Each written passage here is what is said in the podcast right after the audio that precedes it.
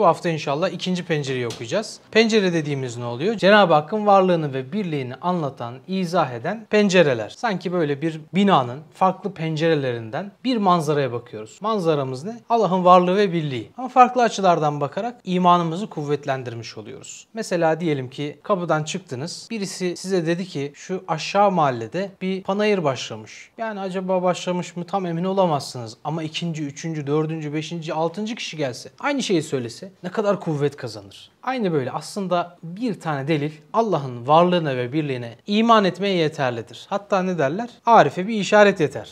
Yeterli ama bazen insan hafif bir şüpheye uğradığı zaman, bir vesveseye uğradığı zaman, bir evhama uğradığı zaman imanı sarsılabiliyor. İman da öyle bir şey ki tazelenmek istiyor. Teceddüt etmek gerekiyor. Yani imanımızı sürekli tazeleyip sürekli kuvvetlendirmemiz gerekiyor ki iman eskiyen bir şey. Hatta tazelemezseniz son kullanma tarihi olan bir şey. Çünkü ayette Allah bize diyor değil mi? Ya eyyühellezine amenu aminu diyor. İman edenler iman ediniz diyor Allah.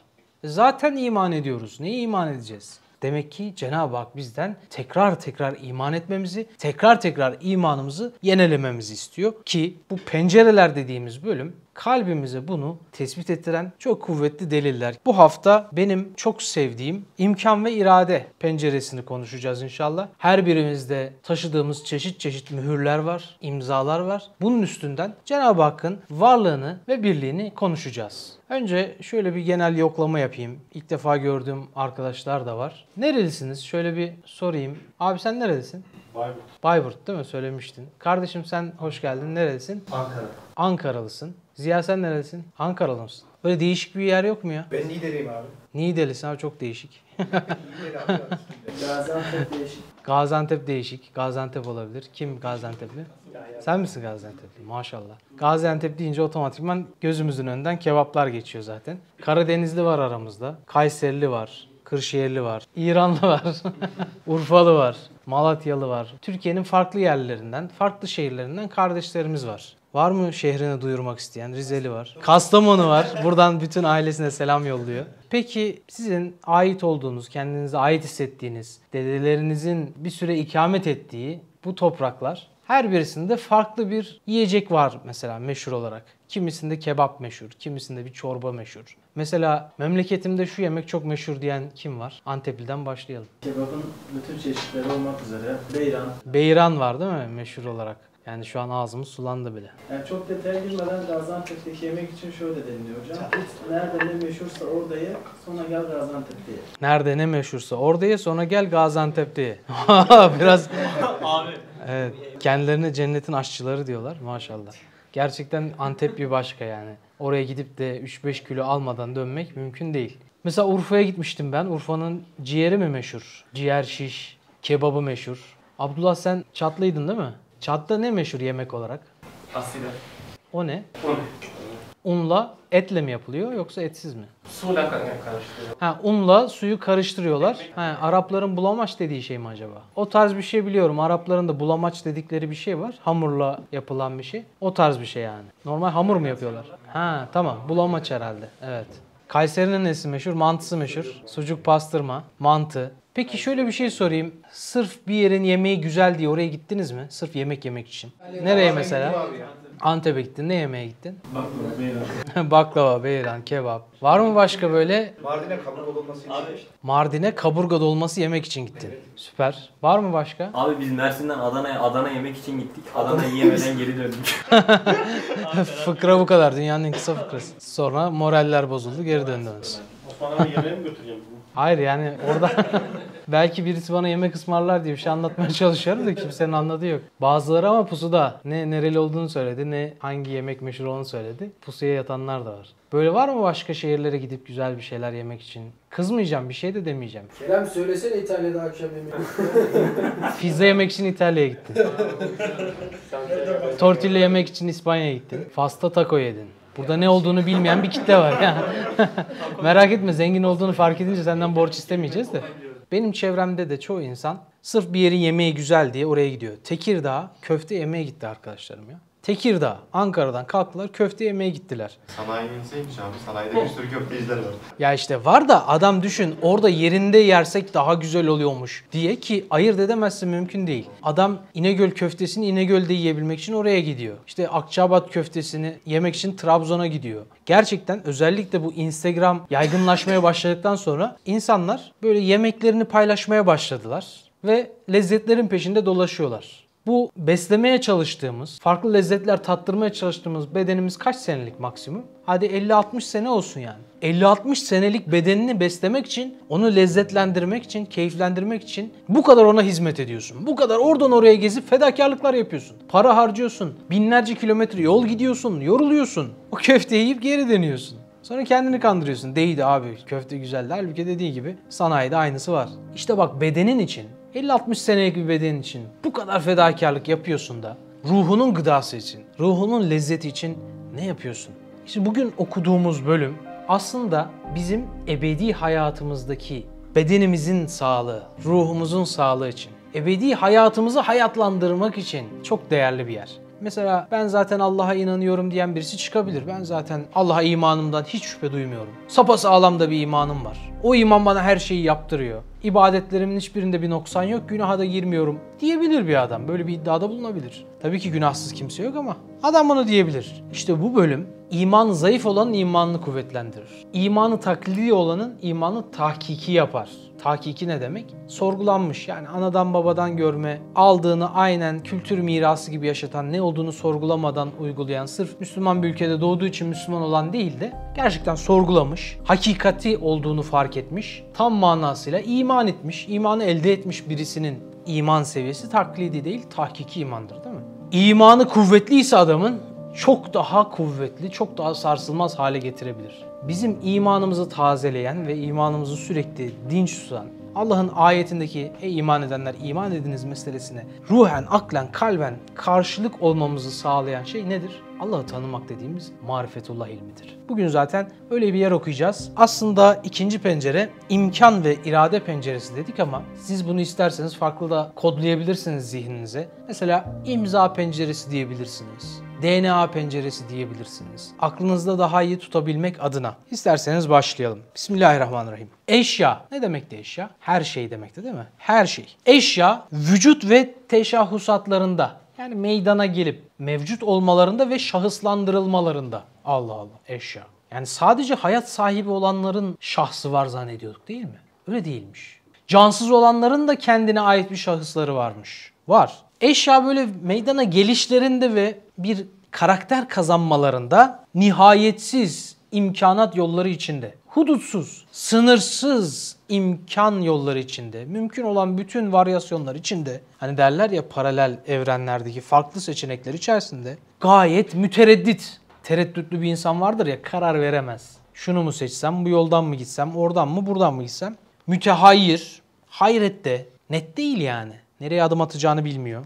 Şekilsiz bir surette iken birdenbire gayet muntazam, muazzam düzenli, hakimane, hikmetli öyle bir teşahhüsü veçi veriliyor ki ona o kadar faydalar gözetilerek bir şahıslandırma, bir barkod veriliyor ki ne oluyor? Mesela her bir insanın yüzünde bütün ebna cinsinden, insanın bütün benzerlerinden hem cinslerinden her birisine karşı birer alameti farika. Ne demek alameti farika? Farklılık alameti yani. Her insanın yüzü farklı. Fark etmiş miydin Furkan? Tabii tabii abi. Maşallah. Senden de bir şey kaçmıyor. Adın Furkan yani. Hakla batılı ayırt eden demek değil mi Furkan? Şimdi baktığımız zaman her insanın yüzünün ayrı olması nasıl bir mucize. Buradan biz Allah'ın varlığını izah ve ispat edeceğiz. Nasıl yapacağız? Aslında bunu bizden önce yapan birisi olmuş. Çok kimseler olmuş da ben daha önce bir videoda bahsettiğim Danimarkalı patatese bakarak Müslüman olan birinden bahsedeceğim. Daha önce de belki anlatmışımdır. Bilen kardeşlerimiz de varsa hayır tekrar ettikçe kuvvet bulur. Adam çiftçi ve patates yetiştiren bir adam.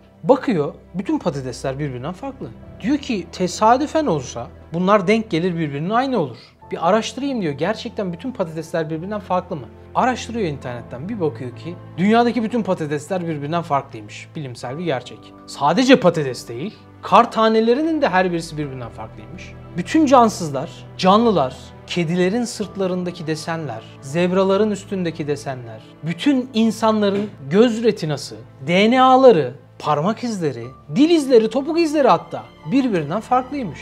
Ve bütün insanların yüzleri de birbirinden farklı. İlk insandan son insana kadar gelmiş ve gelecek bütün insanların yüzü, DNA'sı, parmak izi birbirinden farklı. Adam diyor ki ya bir tesadüfün işi olsa burada, rastgelelik olsa birbirine denk gelir. Demek ki birisi irade ediyor ve farklı yapıyor. Çünkü farklı olması çok zor bir sanattır. Bir ressamın eline verin, daha önce hele hiç insan görmemiş birisi olsun. Eline verin kalemi, boyayı, çiz bakalım kaç tane farklı insan çizebilirsin. 100 taneden sonra tıkanacaktır değil mi? Furkan, 6 saniye içinde arkandaki 6 kişinin ismini sayabilir misin? Matta, Burak, Sıfa, Ali Osman.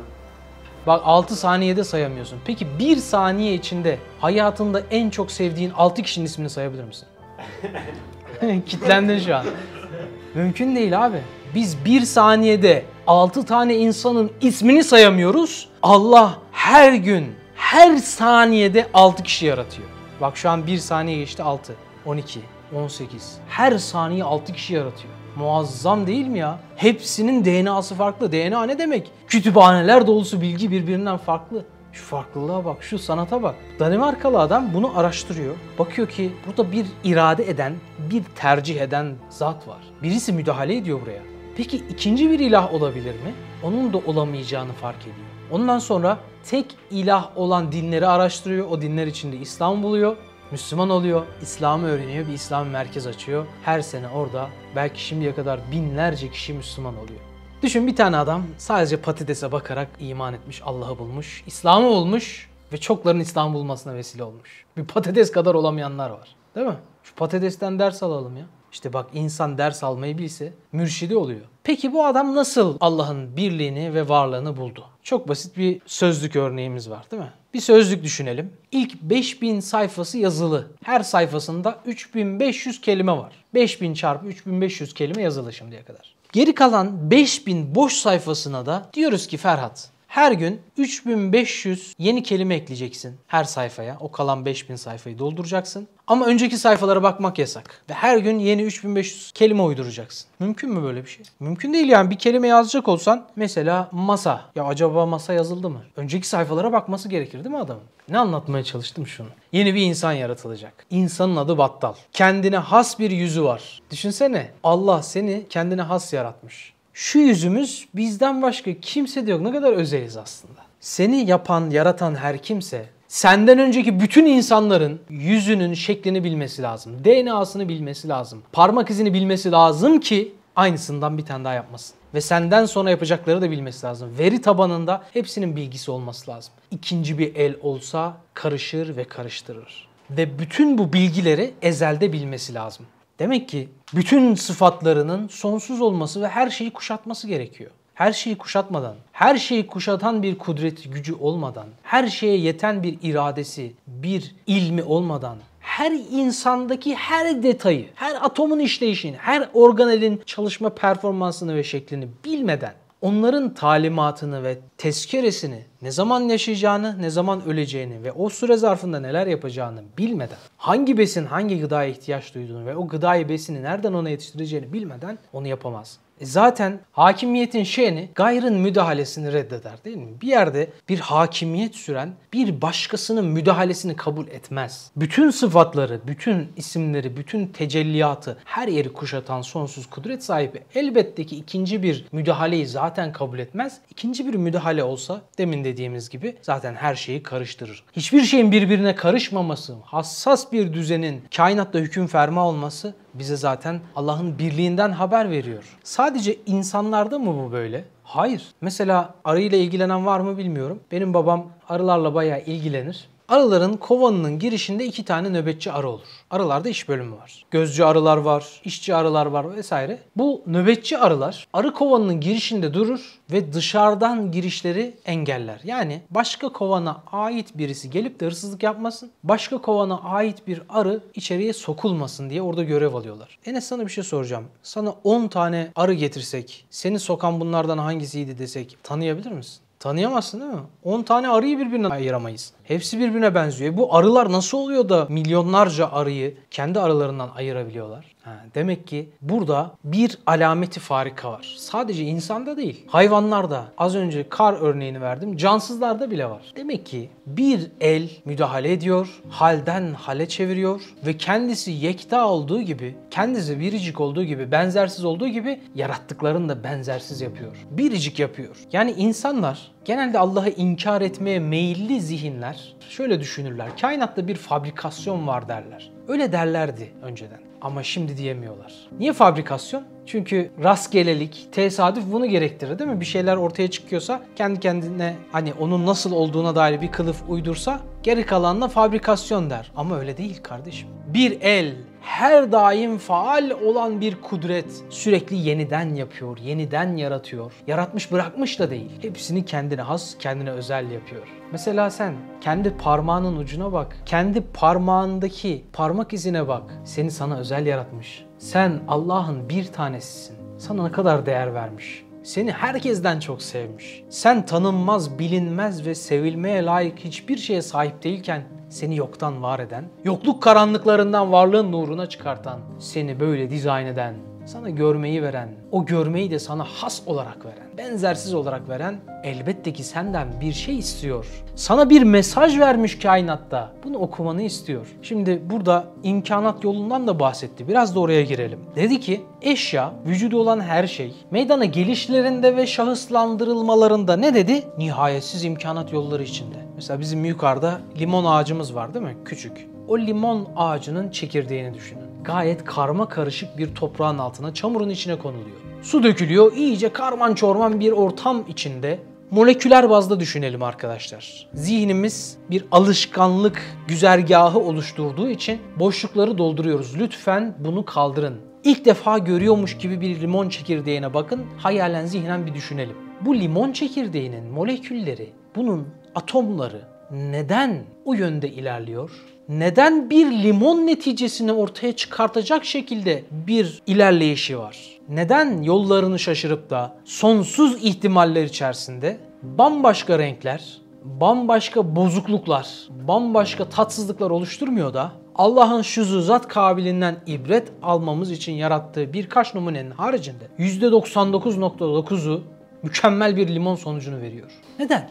Üstad matbaaya kudret diyor ya abi. Evet. Matbaa makinesi gibi hem renkli hem de bir sürü basıyor bir anda. Basıyor ama özel üretim değil mi? Hem seri üretim hem özel üretim. Düşün bir fabrikada milyonlarca farklı araba üretiliyor ama her araba birbirinden farklı.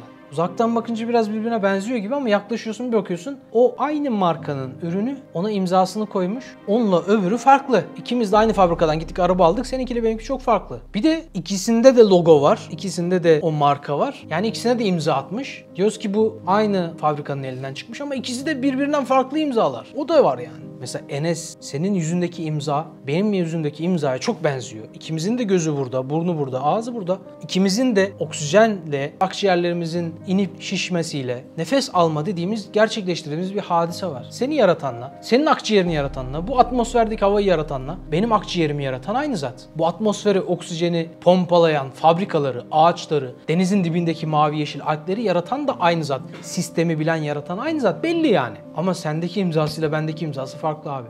Bilmiyorum aynı imzayı sürekli atabilen insanlara zaten hayranım da benim bütün attığım imzalar birbirinden farklı. Ama baktığın zaman aynı zatın elinden çıkmış dersin yani. Bu Osman'ın imzası. Ama inceliyorsun hep farklı yani imzadaki gidişatlar farklı. Elim robot gibi değil. Cenab-ı Hak da her şeye imza atıyor. Kendi imzası taklit edilemez bir imza. Ama bir yandan da her imza birbirinden farklı abi. Nasıl bir sanat, nasıl bir ilim, nasıl bir hikmet ya. Şunun karşısında insan hayret ve muhabbetle kalbi adeta aşkın sarhoşu olması gerekmez mi ya? Boşluğunu secdeden kaldırmaması gerekmez mi? Şu sanata bak, kudrete bak. Bir de şunu söyleyeceğim. Dedik ya bir saniye içerisinde 6 tane insan yaratılıyor. Ya değil insanı sana versem bir tane armutu yapamazsın ya. Var mı yapabilecek birisi? Abi insanı yaratmak zaten imkansız bizim için. Ne kadar muazzam bir sanat bu. Elbette ki ya bizim aklımız, bilmimiz, ilmimiz bu kadar yüksek bir seviyedeyken biz insanı yapamıyoruz. Hiçbir ilmi olmayan, bilgisi olmayan, aklı olmayan, gözü olmayan, kulağı olmayan, hiçbir şey bilmeyen atomlar zaten yapamaz değil mi? Bunu yapan zat demek ki bizim aklımızdan, ilmimizden daha çok ilme sahip,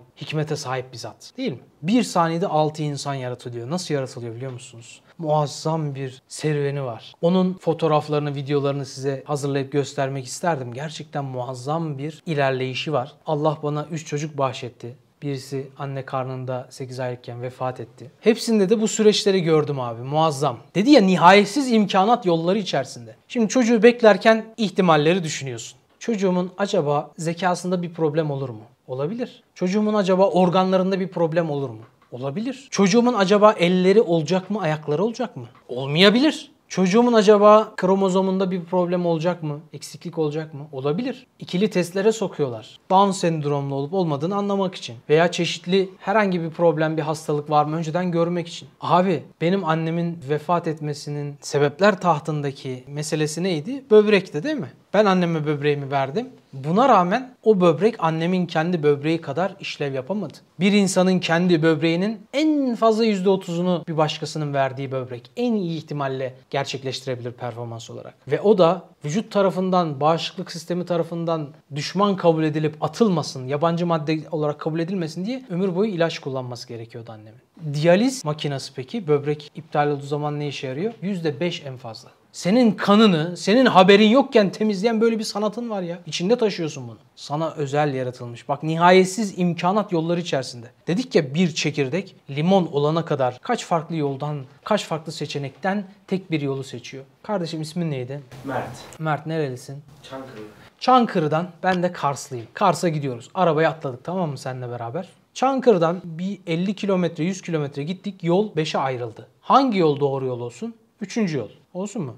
Üçüncü yola girdik seninle ama tabela yok. Navigasyon yok. Hatta sen benim gördüğümden de şüphelisin yani diyelim. Gözlerim tam görmüyor falan. Tabela yok, navigasyon yok. Dikkatinizi çekerim. Rastgele gidiyoruz. 5 yol vardı, üçüncüsünü seçtik. Rastgele aa doğru tutturduk. Sonra bir 50 kilometre daha gittik. Yol 100'e ayrıldı. Doğru yol hangisi olsun? 13. yol olsun. Rastgele girdik 13. yol doğru çıktı. Matematik bilgisi iyi olanlar olasılık hesaplarını yapsınlar. Onun o kadar ihtimaller içerisinde doğru ihtimal seçilmesi akıl kabul etmiyor değil mi zaten? 100 ihtimalden biri bile olsa kabul etmiyor. Sonra abi bir 50 kilometre daha gidiyoruz tamam mı? Bu sefer yol bine ayrılıyor ve 937. yol doğru yol. Biz rastgele gidiyoruz ve gene o yola giriyoruz. Kars'a gidene kadar her 50 kilometrede bir yol onar kat daha fazla bölünüyor diyelim. Ama biz hep doğru yolu rastgele seçerek buluyoruz. En sonunda Kars'a trilyon yollar içerisinde bir yolu seçerek giriyoruz. İmkansız geliyor değil mi sana? Aslında atomlar için de durum böyle. Mesela sen bir peynir yiyorsun tamam mı? Sever misin peynir? Mesela peyniri yedin. Midene gitti. Midende hidroklorik asit içinde ayrıştırıldı. Bağırsaklarına gitti. Oradan emilim oldu. Kana karıştı. Burada ne olacak? Kalsiyum kemiğe gitmesi gerekirken göze gitse sürekli ne olur? Ha, gözün kemik olur. O ayrımı yapıyor. Veya hücrenin içindeki işleyişe bakalım. Nihayetsiz farklı seçenekler, imkanlar içerisinde hep doğru yola gidiyor.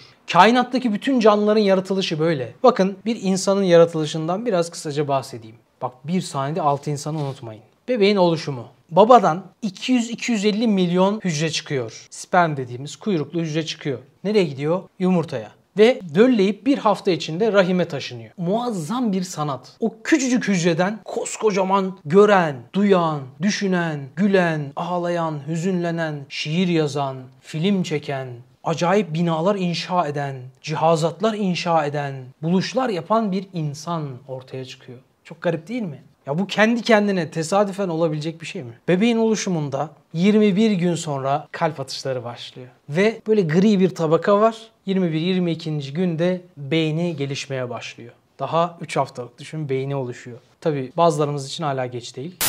5 hafta sonra yüz oluşuyor. Burun, ağız, kulak, 9 milimetre boyunda olmasına rağmen, küçücük olmasına rağmen bu cihazatlar ona takılıyor. Abi çok enteresan. 10 haftada ellerini kullanmaya başlıyor. 14 haftada işte hissedilir ölçüde tekme atmaya falan başlıyor. 17. haftada enteresan bir bilgi. Bebekler rüyalar görüyor. Hem de yetişkin bireylerden çok daha fazla sürekli rüya görüyor. Garip değil mi? Peki ne görüyor olabilir? Gözüyle dünyayı görmedi daha. Ama biz bilim adamlarının tespitlerine göre söyleyelim. Bir takım rüyalar gördüğü tespit edilmiş. Nasıl olduğunu da açıklayamamışlar. Olsa olsa duyduğu seslerden kaynaklı rüya görüyordur demişler.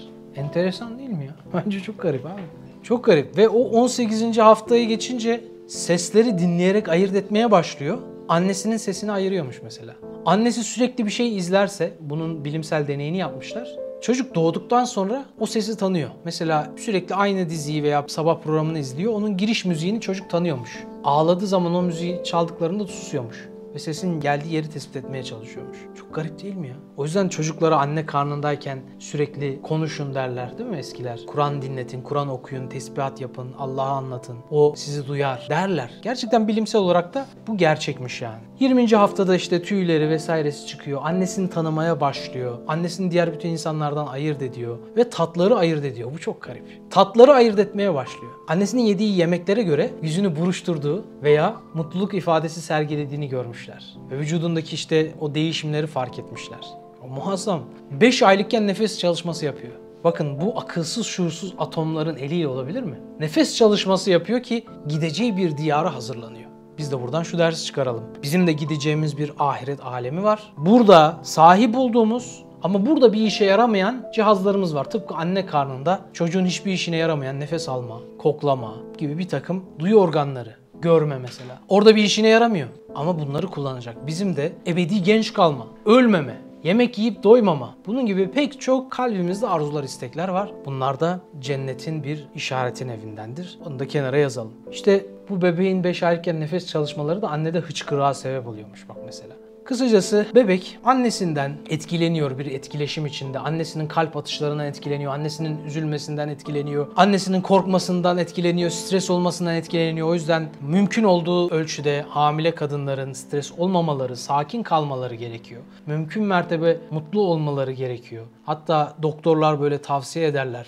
Tatlı yiyin, çikolata yiyin mümkünse. Çocuk daha çok böyle mutlu olur. Çocuğunuzu mutlu etmek için, onu ödüllendirmek için kendinizi ödüllendirin falan gibi şeyler söylerler. Gerçekten bu doğru. Şimdi bakıyorsun abi sen küçücük bir şeysin yani. Boyu baksan şu kadar falan anne karnında. Zamanla büyüyor. Ama daha şu kadarcıkken abi çok enteresan. Küçük bir hücreden o hale gelmiş ve bu kadar farklı fonksiyona sahip. Bir de enteresan bir şey söyleyeyim. Anne karnında öğrenmeye başlıyor. Hiçbir işe yaramayan bir varlık değil o yani. Et parçası değil. Öğrenmeye insan anne karnında başlıyormuş bilimsel olarak. Bazı şeyleri fark ediyor. İşte sesleri, tepkileri, durumları az çok anlamaya ve öğrenmeye başlıyormuş daha dünyaya gelmeden. Bu sanat küçücük bir hücrenin çoğalmasıyla, mayoz ve mitoz bölünmesiyle düşünsene bir beden haline gelmesi, bu bedenin içinde organların oluşması, nihayetsiz farklı imkanlar içinde, farklı tereddütler içerisinde, hayretler içerisindeyken tek bir yolun, tek bir istikametin seçilmesi işte bu ancak sonsuz bir irade ve kudret sahibinin işi olabilir. İşte her insanın yüzünü, parmak izini, DNA'sını kendine has yaratan ve bütün insanlardan farklı olarak bir alameti farika ona veren, o küçük yüzde bulunduğu ve zahir ve batın duygularıyla, zahir ve batın duygularıyla Zahiri 5 duyu organımız var. Batıni, hissi müşterek gibi. Zaten geçen hafta bunlardan biraz bahsetmiştik. Kemali hikmetle, muazzam bir hikmetle, faydaları gözeterek, teçhiz edildiği cihetle o yüz gayet parlak bir sikke ehadiyet olduğunu ispat eder. Ya her şeyde, denizin dibindeki balıklardan, mağaralardaki yarasalara veya bir takım mantarlara kadar kainatın her yerine Allah ilim ve hikmet yerleştirmiş. Ve bu iş tesadüfe havale edilemeyecek kadar girift, karma karışık ve kompleks yapılar. Tesadüfi anlamak için şu basit örnek gerçekten yeterli. Hani bir çuvala dolduruyorsun, sallıyorsun, atıyorsun, legoların hepsinden bir ev oluşmasını bekliyorsun ya tesadüfün karma karışıklığı. Halbuki sen orada bir failsin. Hayat sahibi birisi olarak bir başlangıç gücü uyguluyorsun yani. Gene cansızın etkisi değil. Gene bir canlının müdahalesiyle.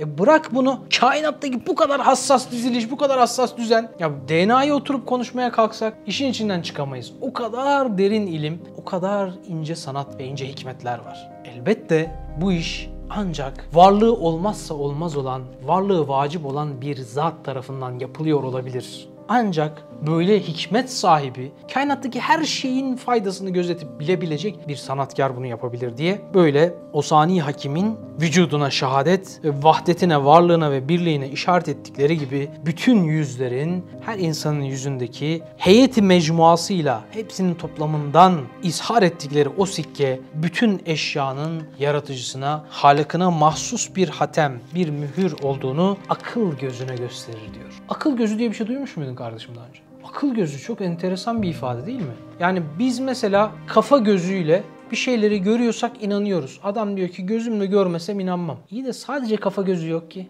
Dilin de bir gözü var, kulağın da bir görmesi var, değil mi? Kalbin de bir görmesi var, aklın da bir görmesi var. İşte Risale-i Nur buradaki Kur'ani hakikatleri ne yapıyor? Akıl gözüne gösteriyor. Yani her şey izah ve ispat noktasında bir netlikte, berraklıktadır aslında.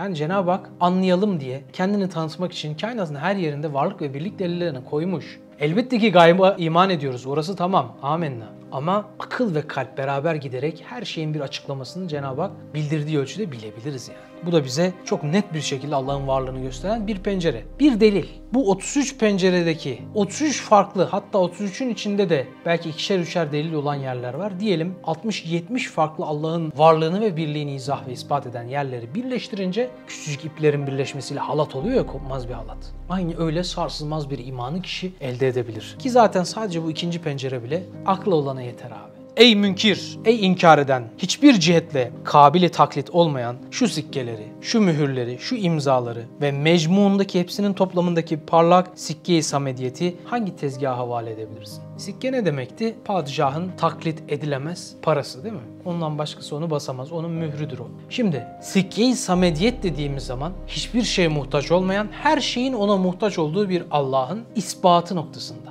İmzasını kainatta her yerde sergilediğini görüyoruz. Bize bu noktada apaçık bir delil ortaya koymuş oluyor. Cenab-ı Hak bunlardan istifade edip imanımızı kuvvetlendirmeyi ve onu hakkıyla tanımayı hepimize nasip eylesin. Subhaneke la ilme lena illa ma allamtena inneke entel alimul hakim ve ahiru davana elhamdülillahi rabbil alamin. El Fatiha. Osman Sungur Yekin'in beklenen kitabı çıktı. Bir gün Anneler de Gider adlı kitabını kitapyurdu.com ve Nüve Design sayfalarından temin edebilirsiniz.